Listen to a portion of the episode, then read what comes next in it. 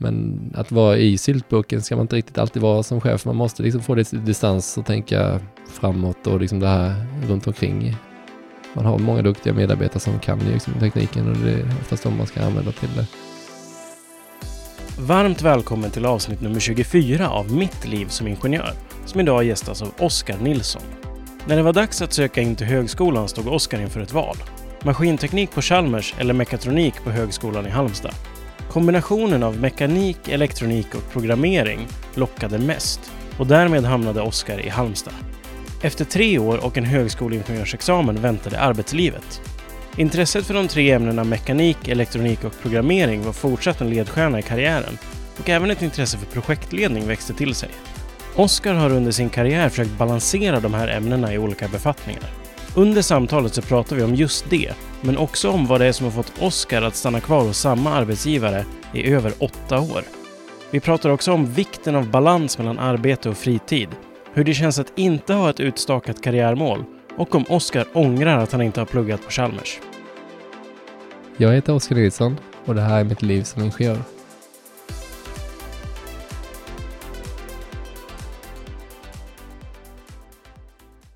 Välkommen Oskar! Tack så mycket. Och du har tagit dig hit till ett regnruskigt Lund. Ja, men det och... gick bra att köra ner från Getinge. Ja, det är härligt. Mm. Jag tänker att du skulle jättegärna få börja med att berätta om dig själv i, i korta ordalag. Vem Mm. är du? Eh, jag är en kille som är uppväxt på landet. Ska fylla 33 i år, ganska snart. Eh, älskar att utöva ganska många olika typer av sporter. Mm. Gillar typ testa nytt så håller säkert på med 10-15 stycken olika om året. Sen kan man jobba vissa någon gång och vissa gör man flera gånger i veckan. Och sen tror jag alltid haft ett teknikintresse i som hela livet. Sen kanske det först kanske det varit mycket privata prylar och sånt. Men när man var liten tyckte det var häftigt. Och sen har det liksom ändå avspeglat sig i studier och sånt också då. Mm. När du säger teknikintresse, Mm. Kan du specificera det? Alltså det började nog med typ att kusiner eh, hade liksom hemmabiosystem och man pappa de skaffade dator ganska tidigt, vilket jag tycker är ganska sjukt för en dator var ju så jävla dyrt för, förr i tiden. Ja. Men den, eh, ja, det kanske man hade när man var tio och så började man pilla på den och fick pilla på den också fast den var dyr då. Och sen tog det liksom ett tag tills man var bättre än pappa så oftast var det man själv som skötte det då. 486 eller vad de hette, de gamla de med och sånt då. Mm. Det var nog tekniken. Sen eh, allmänt sen i högstadiet sånt så vet jag fasken om man tänkte så mycket på det. Det var ju först när man skulle välja till gymnasiet som man började fundera på vad som verkade intressant. Och då, man hade någon sån studiedag på gymnasiet, man fick komma dit och titta på olika program gjorde om dagarna och sånt. Och då vet jag att det var, det var många, eh, ja, på teknik som alla de hade gemensamma tröjor och det verkade lite spännande. De gjorde skola experiment i fysiken och ja, de verkar liksom det kändes som att ja, men teknik är det man ska läsa. Och, ja, det blev Mm. det. Och sen när det blev dags för högskolestudier, då blev du ingenjör så småningom. Ja, Hur kommer det sig att du blev just ingenjör? Då? eh, det var lite för att man hade läst teknik på gymnasiet. Så tänkte man, ja men då enda valet då är ju att läsa till ingenjör. Tänkte jag i huvudet. Det var det egentligen inte att man kunde läsa något annat också. Men det kändes liksom mer naturligt att det var det man skulle bli då. Mm. Och så satt man med den här kurskatalogen och började bläddra och man tänkte bara, ja det där var inte så intressant, det där var inte så intressant. Och till slut så hade man inte så många kvar att välja på. Ja, då slutade med att jag typ, jag sökte maskin, det gjorde jag faktiskt först eh, eh, på Chalmers. Och sen hade jag även sökt mekatronik i Halmstad. Eh, och sen ju mer det gick, jag kom in på Chalmers också, men jag kände, alltså vi hade en kompis som hade börjat läsa mekatronik i Halmstad och han började berätta om det lite grann, vad det innebär och helt plötsligt tyckte jag det verkade mer intressant för mm, det är väldigt mycket mekanisk maskin Mm. och mekatronik är både mekaniskt data och elektronik då. Då tänkte jag, ja men det passar nog bättre och så var det lättare att få tag i lägenhet i Halmstad och det var närmare hem och ja, nej men sen jag ångrar verkligen inte det valet för att det passade mig bra liksom. Mm. Hann du börja plugga på Chalmers eller? Nej, Nej. nej. Jag, jag ändrade mig där precis innan man, när man kunde liksom. Ja. Så det, ja. Men om vi dyker in lite på det då. mm, Studietiden. mm. Hur var den? Den var jättebra. det rekommenderar jag alla som bara funderar lite på att plugga vidare att man ska göra. Eh, och ska man jobba någonting som är akademiskt så bör man ju plugga och jag tycker då att man ska försöka ta, plugga hela vägen, ta ut examen så man inte slutar i det sista och tar något jobb för att man blir erbjuden utan se till att få ut examen. För det, det är alltid bra att ha när man söker jobb och det, det visar också att man slutför det man liksom har gett sig in i. Mm. Eh, jag tyckte det var, man kom ju dit först och det var liksom nollningen och sånt och det var ju jättekul och jättebra också om man inte känner någon när man kommer dit. Man lär känna sina kurskamrater och Halmstads nollning var i alla fall, det var liksom en schysst nollning, det var ingen så här förnedrande utan det var, det var för att man skulle lära känna varandra, lära känna stan och lära känna skolan och sånt. Mm. Sen vet jag hur det var liksom när man började i kurserna och sånt. Det var sånt jävla tempo i början.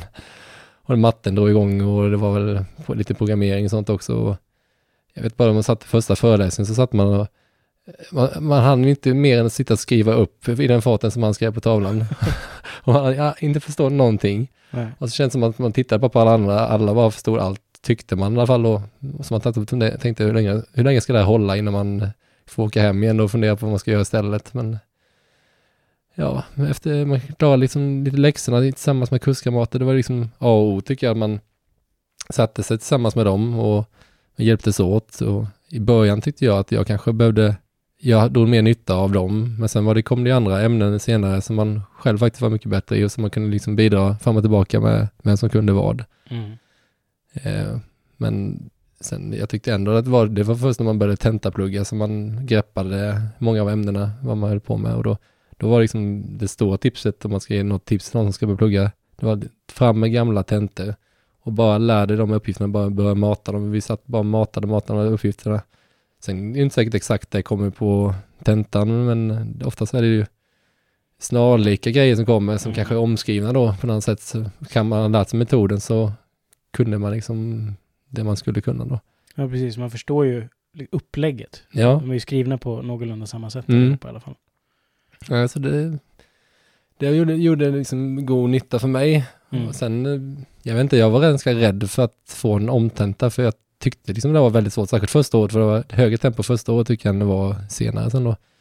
Så att jag var väldigt rädd för att jag skulle få en omtenta, för jag tänkte att då kommer jag inte hinna med och läsa upp den samtidigt som man ska hänga med det andra. Och man kände ändå att man behövde lite stöd av många av de andra och de skulle de hålla på med andra ämnen om man själv sitter med en omtenta. Så alltså. man gav sig den här fanken på att sitta på lördagar och söndagar och även på kvällar och, och få liksom känna att man kände sig trygg med det man Mm. lärde sig. Så att jag fick aldrig några omtentor, så det var jag rätt nöjd med. Ja, det är härligt. Ja, det var faktiskt... Vi kanske hade gått bra ändå, men... eh, Ja. Ja. Men de tre åren du pluggade där då? Mm. Vilka ämnen var mest intressanta? Var det någonting som stack ut, som fångade Mm. Jag tyckte digitalteknik tyckte jag var jättekul. Det, det, jag vet inte om det greppade rätt bra på gymnasiet, men jag tror vi läste lite sånt. Den kände man sig jättebra i och det var lite sån här assembly-programmering där också. Eh, sen var det mycket sådana här, jag läste, extra läste projektledning och sånt. Tyckte också väldigt kul. Och även då examensarbetet för då, eh, jag gjorde det där tillsammans med två av mina ja, närmsta vänner nu då också. Och vi, det var liksom, man kunde lägga upp det själv och vi hade kul medan vi gjorde det och det var intressant och vi tog det liksom från idé till färdig, färdigt mål eller så. Mm. Så de, de, eh, de var nog de roligaste i alla fall, när man tittar tillbaka. Ehm, Vad har du haft mest användning för då, nu i efterhand? Oftast har man faktiskt sagt att man känns som att man inte har haft användning av någonting man har lärt sig. det kanske man inte ska säga om det är sådana som lyssnar. Men eh, visst, man använder små delar kanske från många av ämnena. Mm. Mycket, jag håller på mycket med el, så det är en del av ellära, de de här standardformlerna. De klart, de använder man. Men det mesta är ju att man har lärt sig, det känns som att i skolan gick det ut på att man skulle lära sig att hur man lär sig, om man får en uppgift så ska man ta reda på hur man löser den. Men det är inte meningen att man ska kunna litteratur i huvudet, utan bara man vet att ja, men, en problemlösning, att man kan komma liksom fram till eh, en lösning på något sätt, och inte vara rädd för att liksom komma framåt. Mm. Det var nog det jag tyckte tog med mig för skolan att vad man än ställer sig inför så, som ingenjör så brukar man ofta liksom kunna hitta en väg fram för att lösa det då. Mm. Men om vi försöker gå in lite på det här med karriär då. Ja, Hur såg du på det när du var student? Jag tänkte inte så mycket på det. Jag tänker just då för högskolan så tänkte jag mest på att ja, men efter det ska man ju fixa ett jobb och sen får man se vad det är för jobb. Och jag hade kanske ganska öppen tänkt därför jag började söka i ganska god tid. Alltså sista halvåret började jag söka jobb. Mm. Och då, både att jag tog de annonserna som fanns som jag tyckte var intressanta och även så ringde jag runt och då lite mejl med CV och sånt till de företagen som jag tyckte liksom, här ska jag kunna tänka mig jobba. Ehm, och ja, sen tänkte jag ändå att bara man får ett jobb först, så, vilket jag också tänker fortfarande om man är ny, se till att få ett jobb. Och sen när man väl har det så kan man ju, antingen trivs man där, eller så trivs man inte, då kan man alltid söka ett nytt jobb i sådana fall.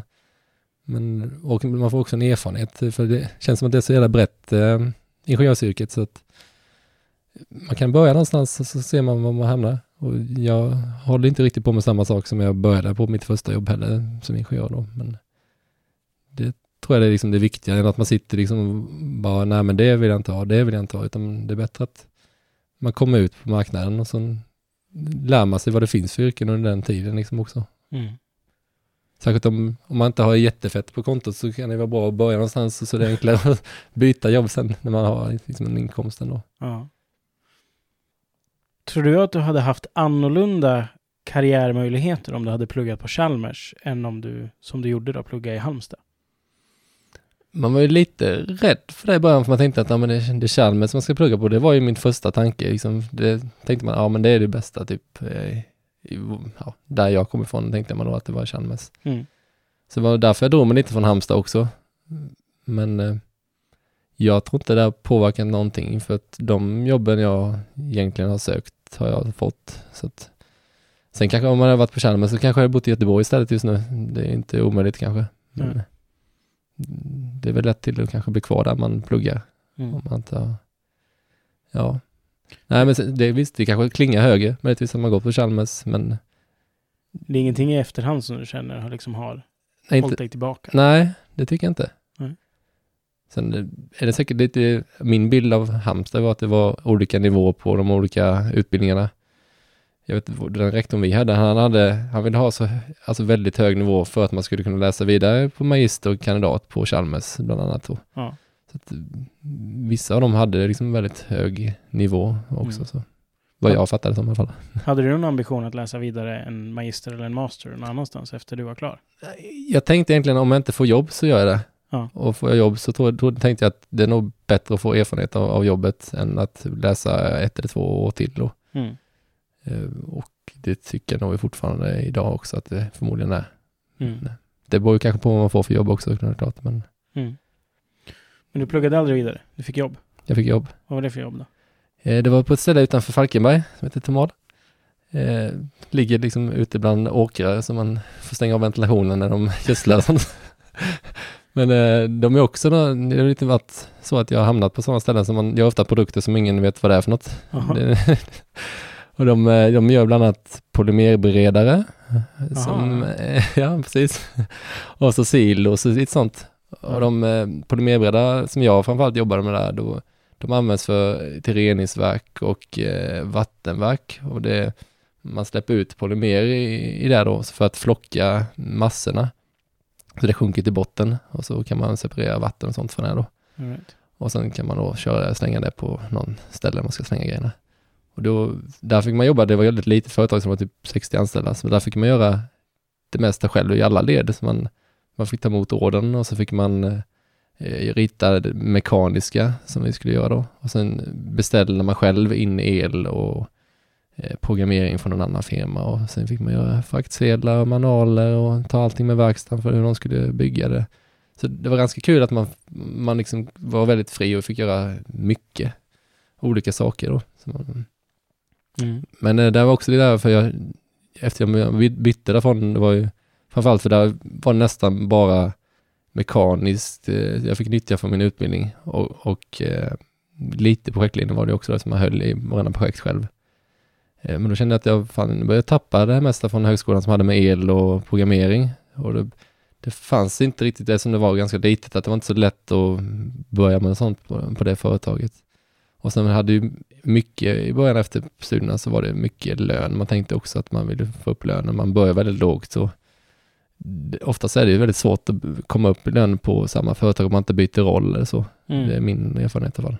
Mm. Och då dök det upp i alla fall eh, på Getinge då. Och jag var faktiskt på semester i Bali som jag satt på en webbcafé och bara så att jag hade fått en anställningsintervjutid och de ville träffa mig och sånt. Så det, och då var det som elkonsistör istället. Ja. Eh, som jag tackade ja till och ja, komma dit på intervju och då vet jag också när man kommer dit så man såg de här maskinerna.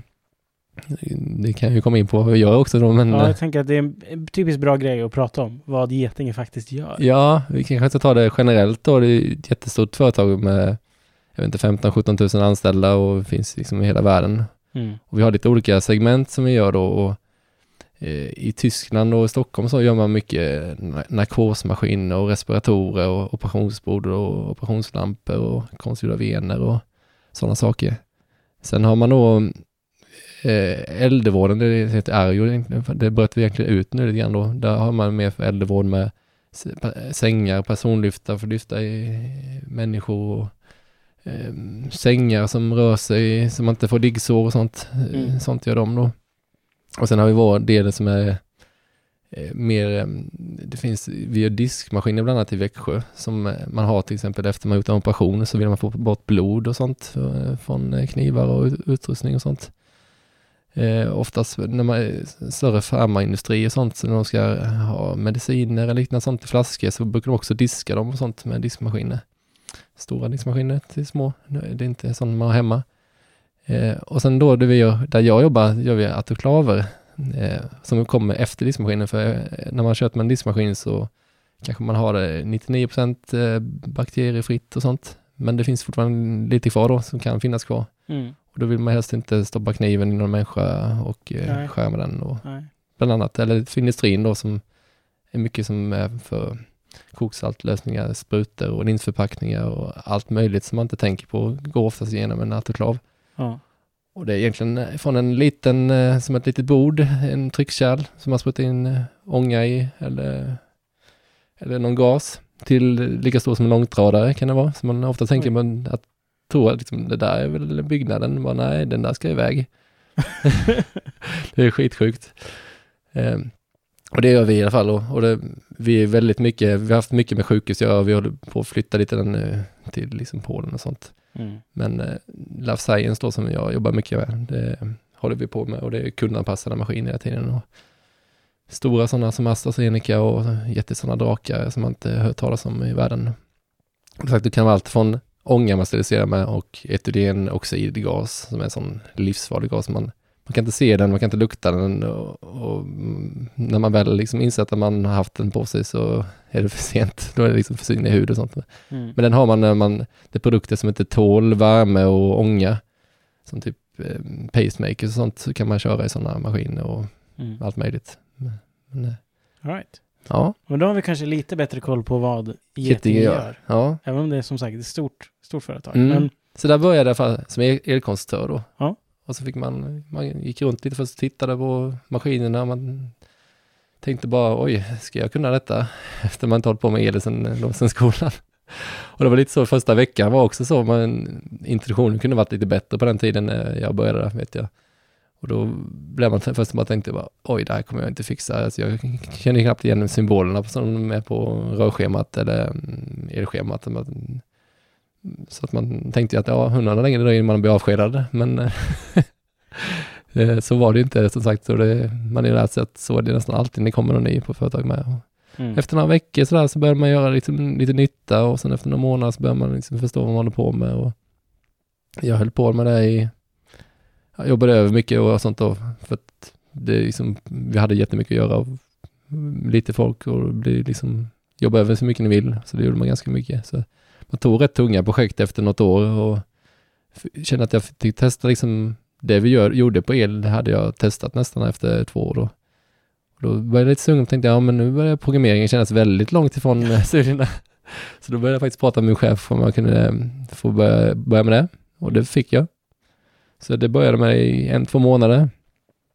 Sen eh, fick jag ett erbjudande från min chef. eh, Det är därför vi bytte chef då också, för jag bytte många chefer som helst eh, som jag haft med. Jag har haft sju chefer på åtta år. Mm.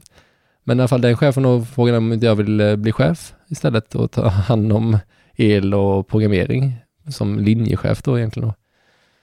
Och då tänkte jag, det är något kanske man inte får igen. Så det, och det lät jättekul. Det var inte riktigt så min karriärstanke eller steg jag hade tänkt då, för den hade jag faktiskt börjat tänka ut när jag väl började jobba. Och då var det ju att jag ville göra alla de här tre olika grenarna, alltså mek, data, el och faktiskt projektledning.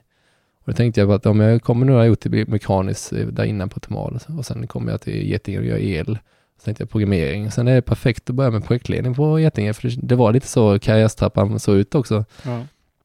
För då hade man haft en bra liksom, grund att stå, stå på.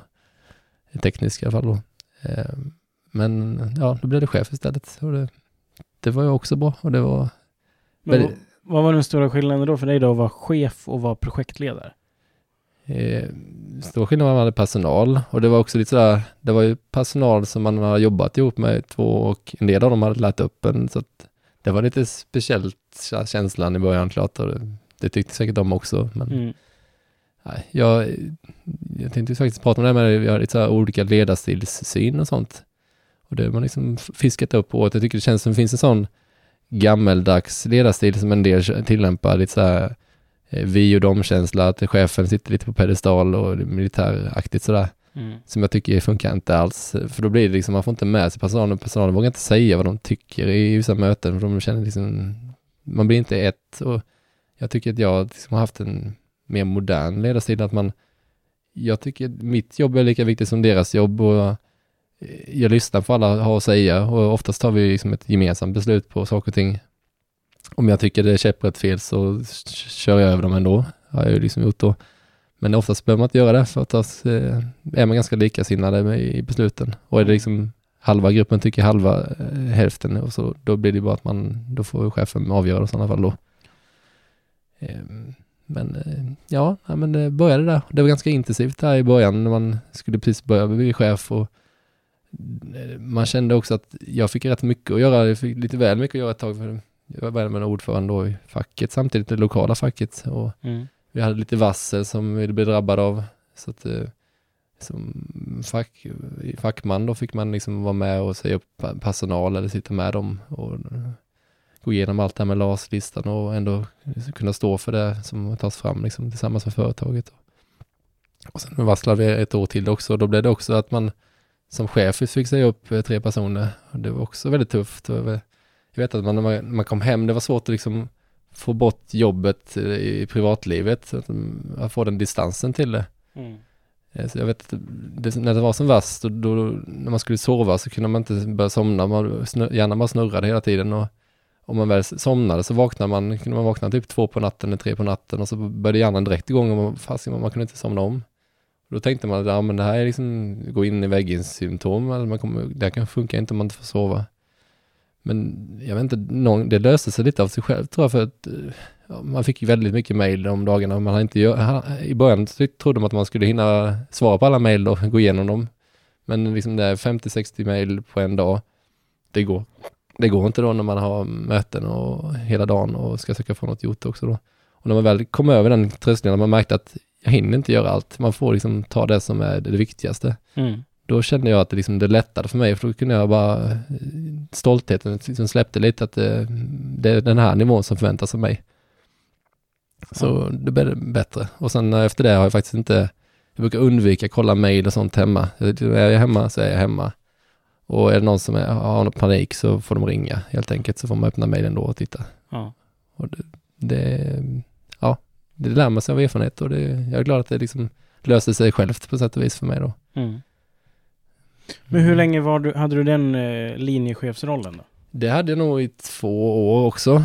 Sen fick jag bli automationschef. Egentligen skillnaden var bara att jag fick mer, lite mer personal till det och jag fick mer ansvar. Vi, vi hade liksom separerat life science och sjukhusdelen då inom företaget. Då fick man även sjukhusdelen in där under också. Okay.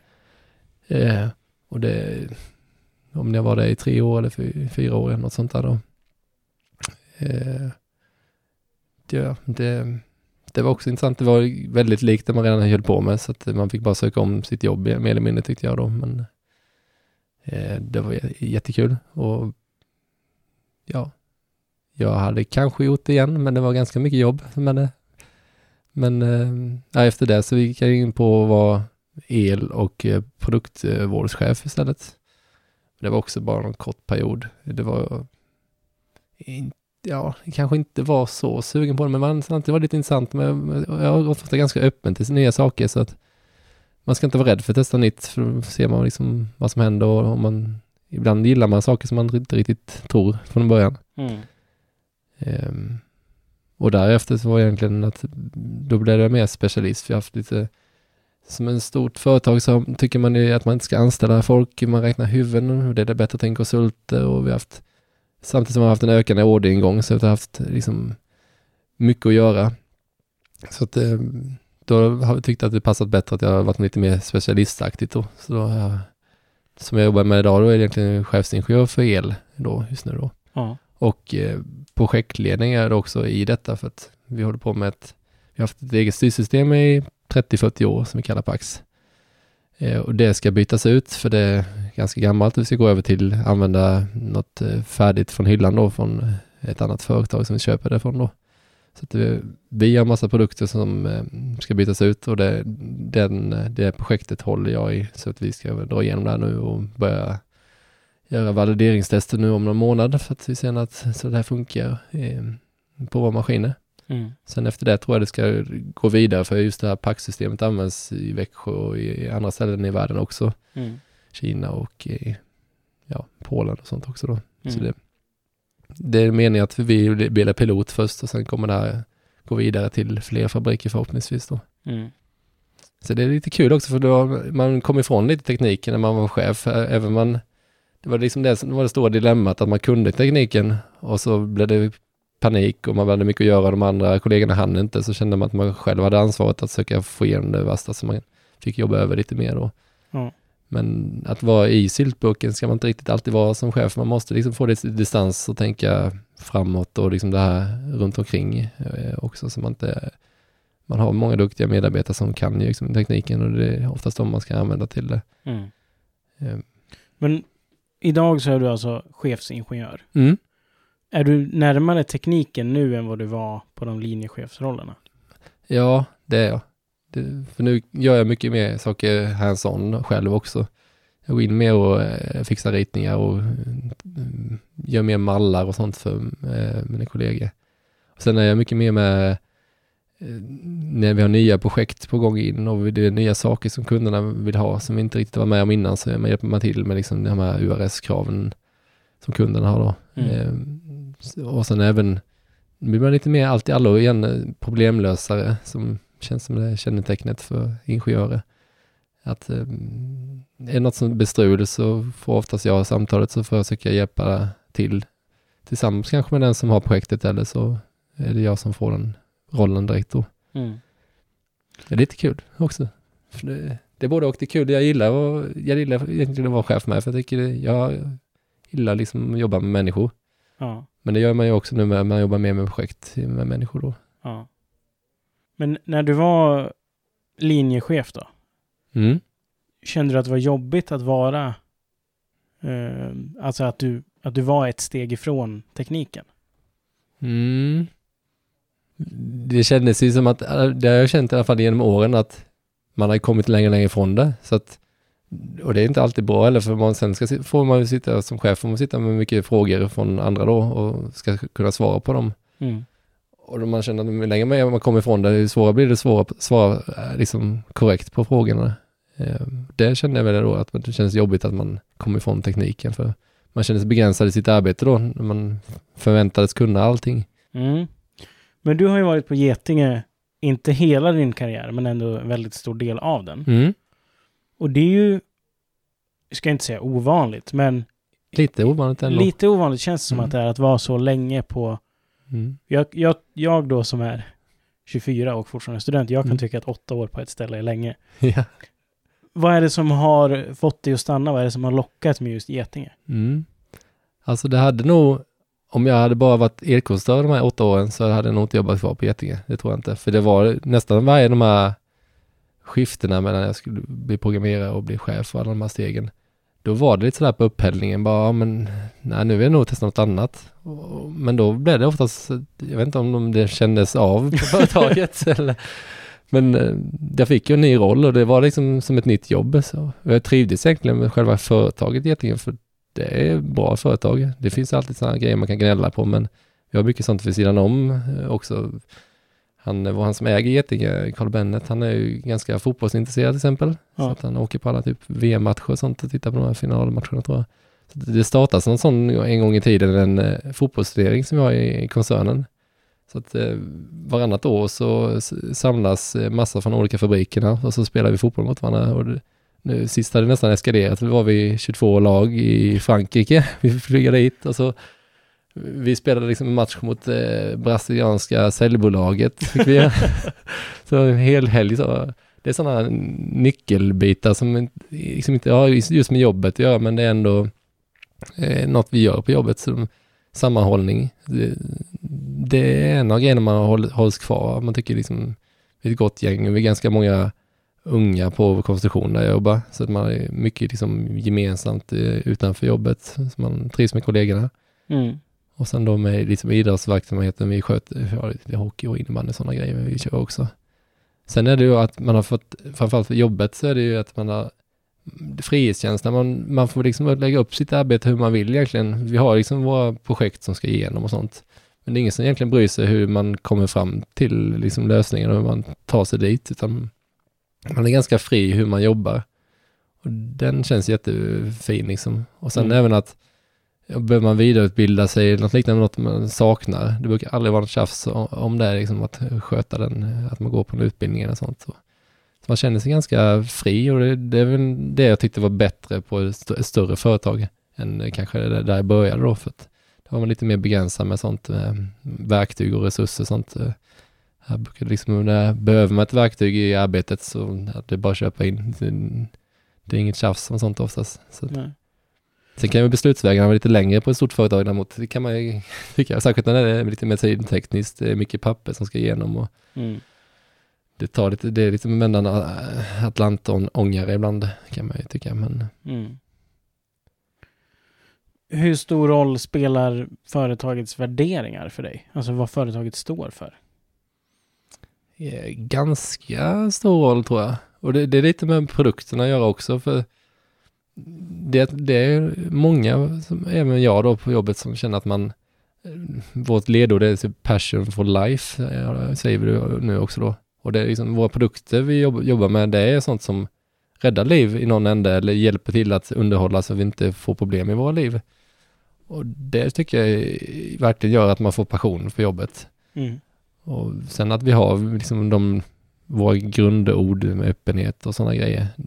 Det är våra grundord och det, det tycker har stämt in på mig privat också. Att mm. Jag är väldigt öppen som människa och är inte rädd för att prata om saker och ting eh, våga säga vad man tycker i möten och sånt. Och sen kan man ju försöka säga det liksom på ett snällt eller mm, försiktigt sätt. Man behöver inte liksom bara kasta någonting tvärtom i ansiktet på någon. Utan. Så det tror jag nog är ganska viktigt, att man känner att företaget ändå har hyfsade värderingar. Känner du varje dag när du går till jobbet att du får bidra till samhället? Ja, lite så är det nog.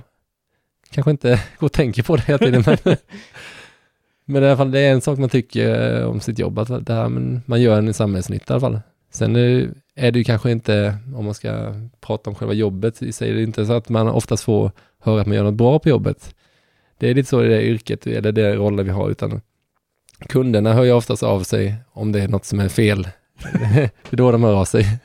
Det är sällan man får höra att oj, kunden är så nöjd med sin maskin och allting, utan är det tyst så är det bra, är det inte tyst så är det problem. Men det har man lärt sig, så att eh, oftast, ibland får man höra något positivt också och det uppskattas alltid och det kan man alltid bli bättre på. Men, ja. men för att försöka greppa mm. lite mer praktiskt vad du faktiskt gör mm som, som chefsingenjör på Getinge. Vad är en typisk torsdag för dig? Mm. Först kommer man till jobbet kanske halv åtta. Det är Lite flextid så att man kan komma när man vill, men man brukar komma halv åtta. Då går man igenom mejlen lite först, se vad, om det är någon som undrar något eller har några problem och något som ska planeras in eller sådär. Det är oftast planerar jag också då. på arbetsuppgifter för mina kollegor. Sen är det, brukar det vara ett gäng möten på morgonen. Antingen kan det vara nya order man ska lägga in under dagen som vi ska gå igenom vad det är vi har fått in för något, vad är det vi har sålt och vad är det kunder vill ha, när ska de ha det och vad är det för optioner och specialoptioner de har. Eh, sen kan det vara allmänt andra möten eller pågående projekt eller någonting vi måste fixa med kvalitetssystem eller sådana grejer. Då. Sen får man lite tid för sig själv att jobba med förmodligen de uppgifterna man har fått. Och det kan, kan det vara med ett pågående projekt. Man kanske hjälper till med en elritning. Man kanske ska hjälpa till att köpa in något material. Kanske är någon kund som ringer och har problem på någonstans. Som man ska försöka felsöka på distans då, vad det är som är strular. Då har vi oftast en grupp som sitter och tar de här första samtalen, men det är inte alltid de klarar att lösa det. Ehm, det är väl oftast det generella, men sen kan det ju allting vara en verkstad och produktion. Att ehm, vi är nere och pratar med dem och de har sett liksom saker som ofta går fel, så vi försöker förbättra produktionen så det går snabbare. Mm. Um, Men det är mycket möten? Mycket möten och det var fruktansvärt när man var chef, för det möten hela tiden. Det, ibland undrar man, måste man verkligen gå på alla möten? Men när man väl sitter så verkar det ju väldigt viktigt, tycker man kanske själv också då. Eh, mötesbantar är bra. Och liksom uppstyrda möten innan är också bra. Att man liksom kan få en agenda och det står vad man ska göra, vad förväntas, eh, vad förväntas man bidra med som man kanske kan läsa på innan mötet så man kan lösa det på mötet än att man tar det i efterhand. Då. Men det är bättre nu när man inte har hand om personal utan man, det är mer liksom tekniskt. Så jag har mindre möten nu så jag känner att jag får liksom mer tid att grotta ner sig i saker. Och ibland det kommer det mycket frågor om standard och sånt. Vi måste följa direktiv för att eh, få tillverka våra maskiner. Och då kan det ju vara antingen kund ifrågasätter någon lösning vi har eller att vi själva liksom ska göra något nytt och vi måste fundera, ja, vad säger standarden nu? Att, hur får man göra detta? Måste man sätta panelen i viss höjd? Eh, eller ja, vilken kabeltjocklek måste man ha? Och allt sånt här. Mm. Vi, vi gör ju lite speciella maskiner också. Vi håller på med det är ju många sådana högrisklabb och sånt som köper maskiner av oss, forskningslabb och sånt. Där, där, finns ju liksom en, det heter BSL-nivå 1 till 4 som man har eh, beroende på hur farligt det är man håller på med inne i labbet. Och då använder man våra maskiner som är eh, då, då, högsta nivån, eh, nummer fyra då, då är det liksom, blir man smittad där inne så kommer man dö, det finns inget botemedel och sprids det i avloppssystem och eller ventilation så kan det liksom spridas till fler människor och de kan också dö då och inget botemedel. Och så trean är väl bara att den som är där inne dör men inget botemedel. Och tvåan tror jag att man dör inte av det, man kan bota det och det sprids inte och sådär. Så att sådana maskiner gör vi rätt mycket och där får man tänka till rätt mycket tekniskt. Man måste tänka sig att det inte liksom, våra maskiner är som slussar då som man inte kan man kan slussa in saker i de här labben och slussa ut saker som ska vara strila då.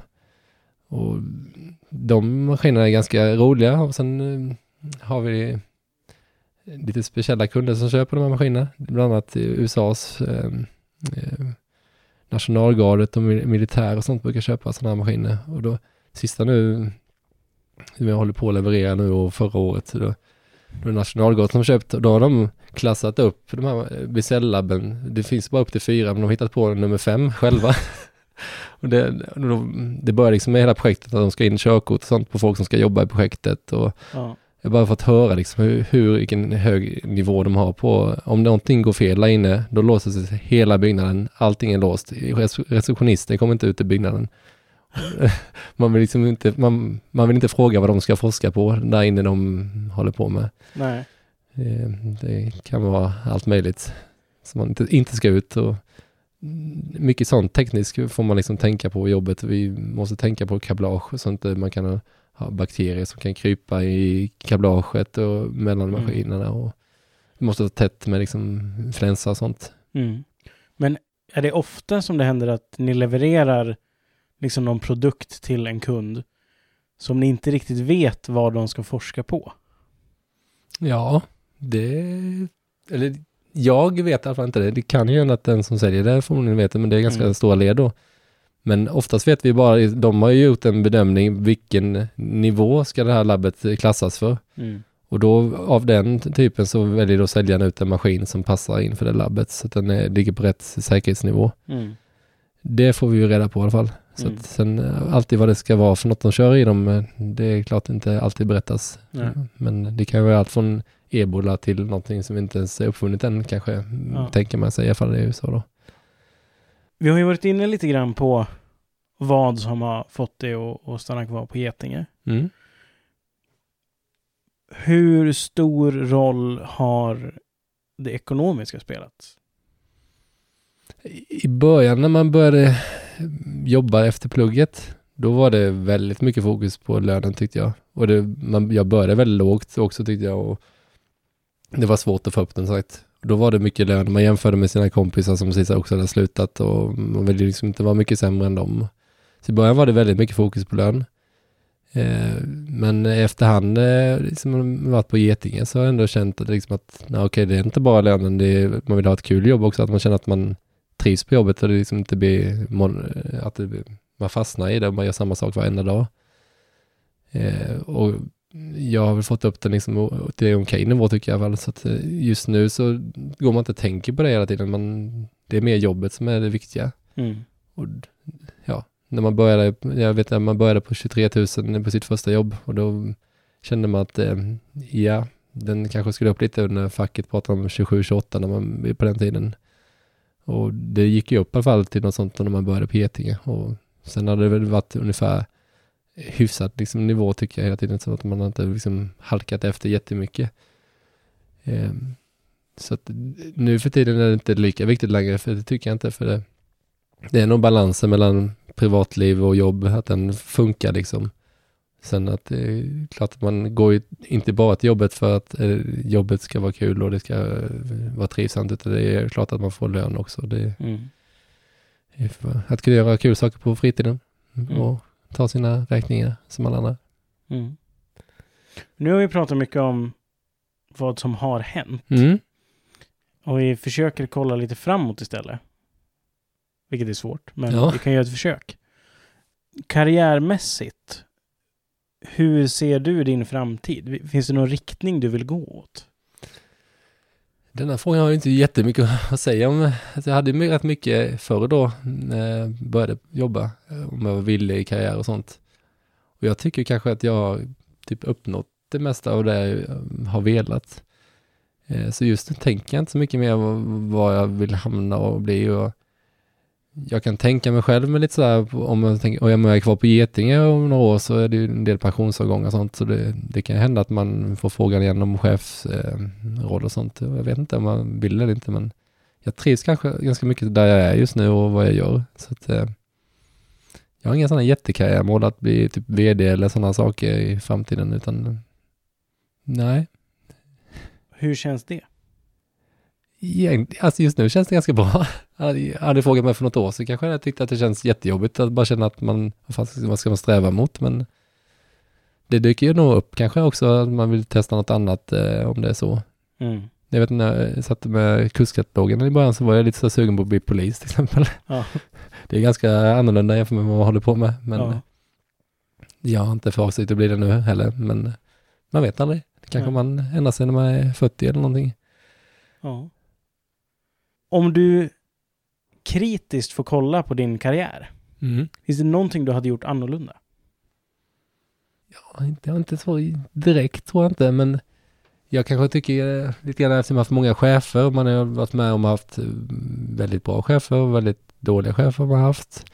Jag kanske hade suttit lite mer lugn i båten eh, de perioderna när man hade en dålig chef istället för liksom alltid säga vad man tycker och mm, köra på det. Då kanske det har varit lite mer lugn, det tror jag det har varit. Om man kollar på karriären då, men ja, det har inte påverkat mig så mycket heller så egentligen, men det har kanske varit eh, smidigare perioder de gångerna. Mm. Vi har ju pratat mycket nu om karriär. Mm. Och det är också det som är fokuset för den här podcasten. Men den heter ju Mitt liv som ingenjör, inte Min karriär som ingenjör. Mm. Och då kommer vi ju osökt in på ämnet work-life balance. Vad betyder det för dig? Alltså jobbet är ju en väldigt stor del av sitt liv. Man jobbar säkert en tredjedel, eller hälften av vad man gör i sitt liv. Så att jag tycker själva jobbet är viktigt vad man gör, så man inte ligger där på dödsbädden sen och bara, ja, jag har stått och tryckt på maskin eh, hela livet, jag vet inte riktigt varför jag tryckte på den knappen. Det hade inte funkat för mig, jag vill nog känna att man ändå har bidragit med någonting. Mm.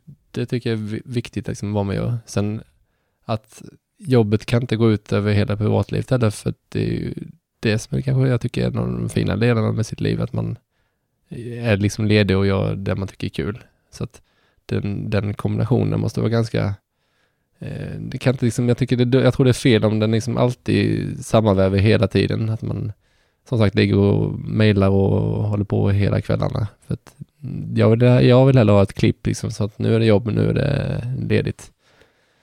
Eh, för, både för att liksom kunna resetta hjärnan lite och eh, göra det man trivs med. Mm. Det är nog lite work-life mm, balance för mig i alla fall. Ja.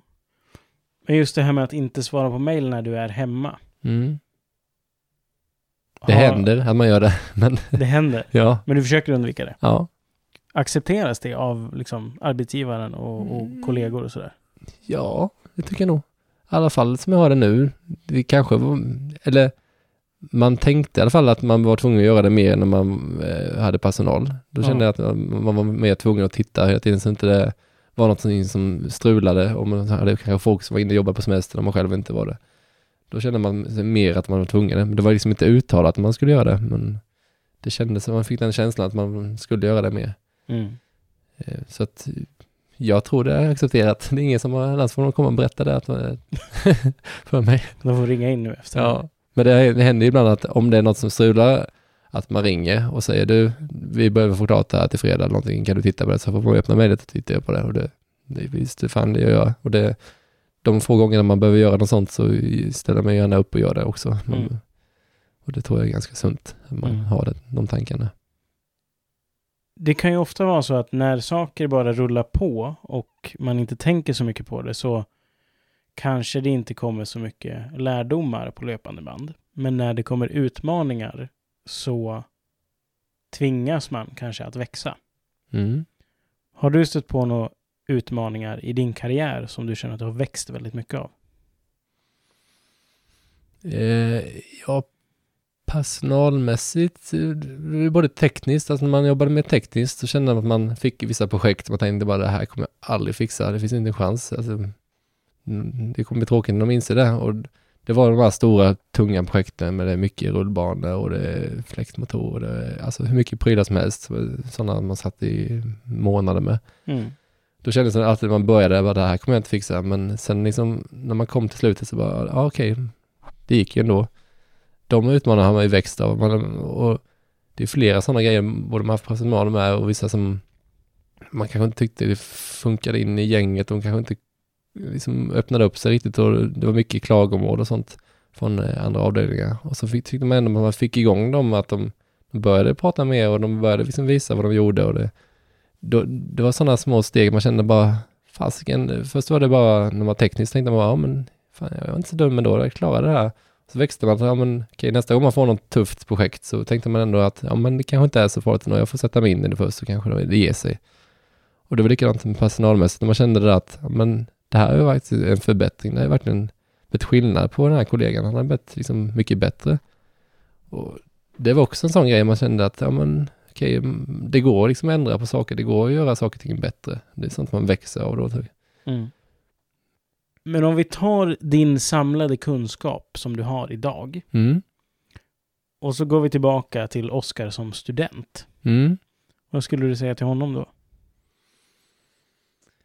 Eh, om man, det var, jag skulle gärna förklarat för honom hur det skulle vara på högskolan innan jag började. Så man inte hade känt sig så chockad när man började där.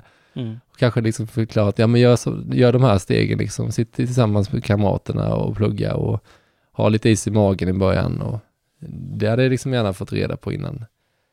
Ehm, men eh, sen jag tycker jag nog man kan vara självkritisk i saker, men jag tycker liksom att det har gått ganska bra. Alltså, man kan vara lite mer lugn. Alltså man behöver inte tänka att oj, jag måste undra hur det kommer gå i framtiden. Man kan bara åka med nuet liksom, lite, lite grann då. För det mesta liksom går ganska av sig självt ändå. Man, klart man får liksom försöka göra saker och ting men innerst inne har man ganska bra koll på ändå tror jag vad man tänker sig framåt och eh, vad som funkar för en. Mm. När vi har pratat om, om din karriär mm. så har det ju, min känsla i alla fall att det har varit lite så här, ja men du gjorde mekanik där och så ville komma, inte komma ifrån elektroniken mm. för mycket och sen ja, programmeringen var långt bort och ville gå till den. Hur gör du för att hålla dig uppdaterad inom det som är ditt kompetensområde idag? Det är egentligen, för det första jobbar jag ju med det hela tiden och känner jag då att vi tar in någon typ eh, av produkt som vi inte haft tidigare som kanske då följer andra standarder eller något sånt. Då brukar vi ofta försöka ta eh, och göra en, gå en utbildning eller ta dit någon som eh, hjälper oss och berätta hur man gör. Likadant om vi byter verktyg, då är det också att det brukar vi ofta åka på en utbildning. Eh, sen eh, för min egen skull brukar jag känna sådär att ja, men jag hade fått bättre koll på om jag hade vi är ganska uppdelade med el och programmering och sånt på jobbet. Om jag känner att jag, jag får mervärde, eller jobbet kanske också får mervärde om jag kan mer om till exempel programmering. Eh, då försöker jag liksom få tid att få jobba med detta lite grann. Och det gjorde jag nu egentligen nu innan sommaren också. Att, eh, jag behöver personal i mitt projekt till exempel då som håller på med programmering och de sitter illa till. Då tänkte jag, men då kan jag hjälpa dem med det. Så försökte jag gå in och eh, ta lite av hans uppgifter. Och det, nu i efterhand var det jättebra för att då, såg man liksom grejer som man behövde göra, få ut liksom taggnamn och sådana saker från systemet som man mm. sitter och handknackar in. Men jag visste att på el kan vi dra ut en Excel-lista så man får allting bara inmatat. Och då helt plötsligt jobbar man mellan avdelningar och märker att ja, men det finns ju saker man kan förbättra inom företaget om man testar lite olika roller. Och mm. Det är en typ av sätt att hålla sig uppdaterad. Men annars är det nog mest att man söker gå en utbildning eller kanske få ta sig tid till att sätta sig ner och eh, gå ner i verkstaden och lära sig liksom det som är bekymret. Uh, hinna läsa på um, om uh, produkterna eller artiklarna man, som är strulade då. Mm. Och sen är det ju såklart en stor del att man faktiskt jobbar med, ja. med det varje dag ja. också. Så det är värre då om man har något mer man ska göra, om man inte jobbar med det varje dag. Då mm. är det ju jag vet inte riktigt hur man ska göra då för att hålla sig uppdaterad. Då måste man nog ändå boka in tid själv för att sitta med det lite då och då för att inte det ska liksom tappa det. Jag brukar ofta, det, sånt som jag vet att inte jag ofta, och man kanske måste fråga någon om, då brukar jag oftast skriva ner det. Jag brukar ha det liksom, skriva ner det i något anteckningsblock på datorn eller någonting. Så man kan ta upp det nästa gång man sitter med det igen så kan man läsa igenom det och titta, ah, okej, okay, det var så här man skulle tänka och det var så här man skulle göra. Mm. Vilket också brukar vara bra tips när man har haft lite sådana killar och sånt från eh, yrkeshögskolan som har kommit hit och, eh, och även högskolan som har haft praktik och sånt hos oss. De har märkt att en del kommer att fråga samma sak eh, flera gånger, vilket är helt okej. Okay. Mm. Kanske tredje gången kanske man bör ha skrivit ner det så man känner att man inte behöver komma en fjärde gång och fråga det. Ja. Och det är ju bra om man inte gör någonting särskilt ofta. Att man liksom får ner det i pränt så kan man liksom komma ihåg det själv. Mm. Jag tänker att vi ska gå på de här avslutande frågorna. Ja. Som du får svara så långt eller så kort som du vill på. Ja. Men den första då. Vilket är ditt bästa minne från universitetstiden? Eller från högskolan? Jag tycker nog det är nollningen och även när man själv nollade året därpå då. Eh, det var ju jättekul. Det var, så, det var liksom den nya världen som öppnades. Sen var det även när vi jobbade kanske examensprojektet det där och vi ställde ut och visade upp det. De var liksom de, de roliga och spännande sakerna tycker jag nog. Mm. Nollning var också lite kul för att vi, en jag nollade han har också börjat på vårt jobb och så vi träffas varje dag.